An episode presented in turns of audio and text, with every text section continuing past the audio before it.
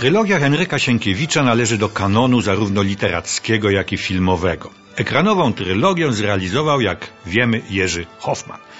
Ale pierwszej adaptacji potopu wcale nie on dokonał.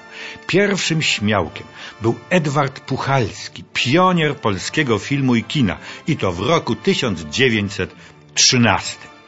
Na ekrany kin polskich wszedł wówczas włoski supergigant Quo. Film ten oglądał w jednym z krakowskich kin Henryk Sienkiewicz. Pisarza i sam film publiczność przyjęła entuzjastycznie. Owacją na stojąco nie było końca.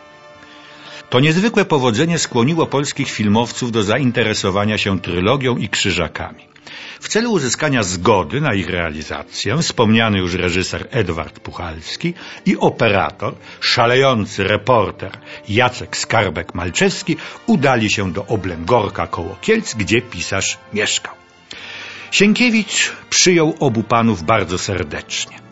Rozmowę przerwał obiad, po którym kontynuowano ją przy kawie w gabinecie pisarza. Skarbek Malczewski wspomina, że na biurku Sienkiewicza leżała autentyczna szwedzka kula armatnia z oblężenia Jasnej Góry. Rezultat rozmów był pozytywny. Pisarz wyraził zgodę na realizację potopu. Przystąpiono więc żwawo do przygotowań. Jeszcze jesienią tego roku, a proszę pamiętać, że od pierwszego pokazu braci Lumière minęło zaledwie kilkanaście lat, powołano do życia w Warszawie spółkę kinematograficzną o dumnej nazwie Soku.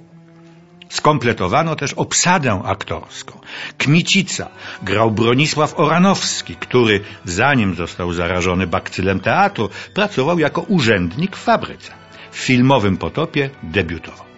Pozostałe ważne role powierzono śmietance aktorskiej.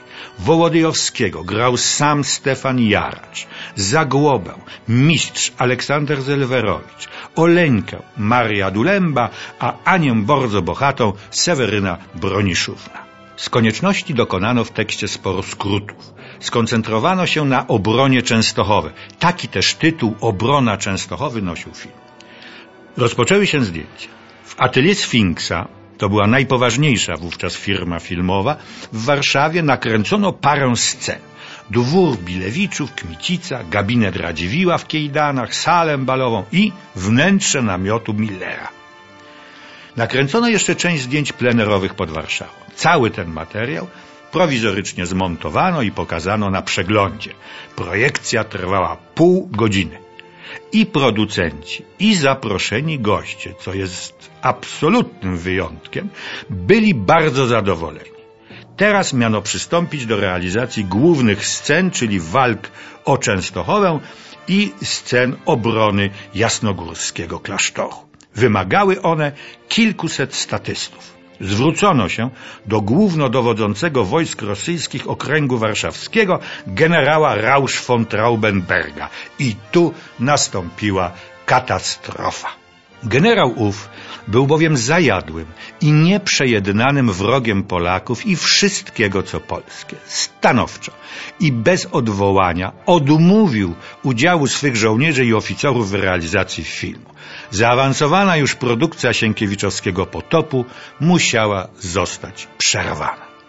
A jednak film Potop po licznych przeróbkach ukończono.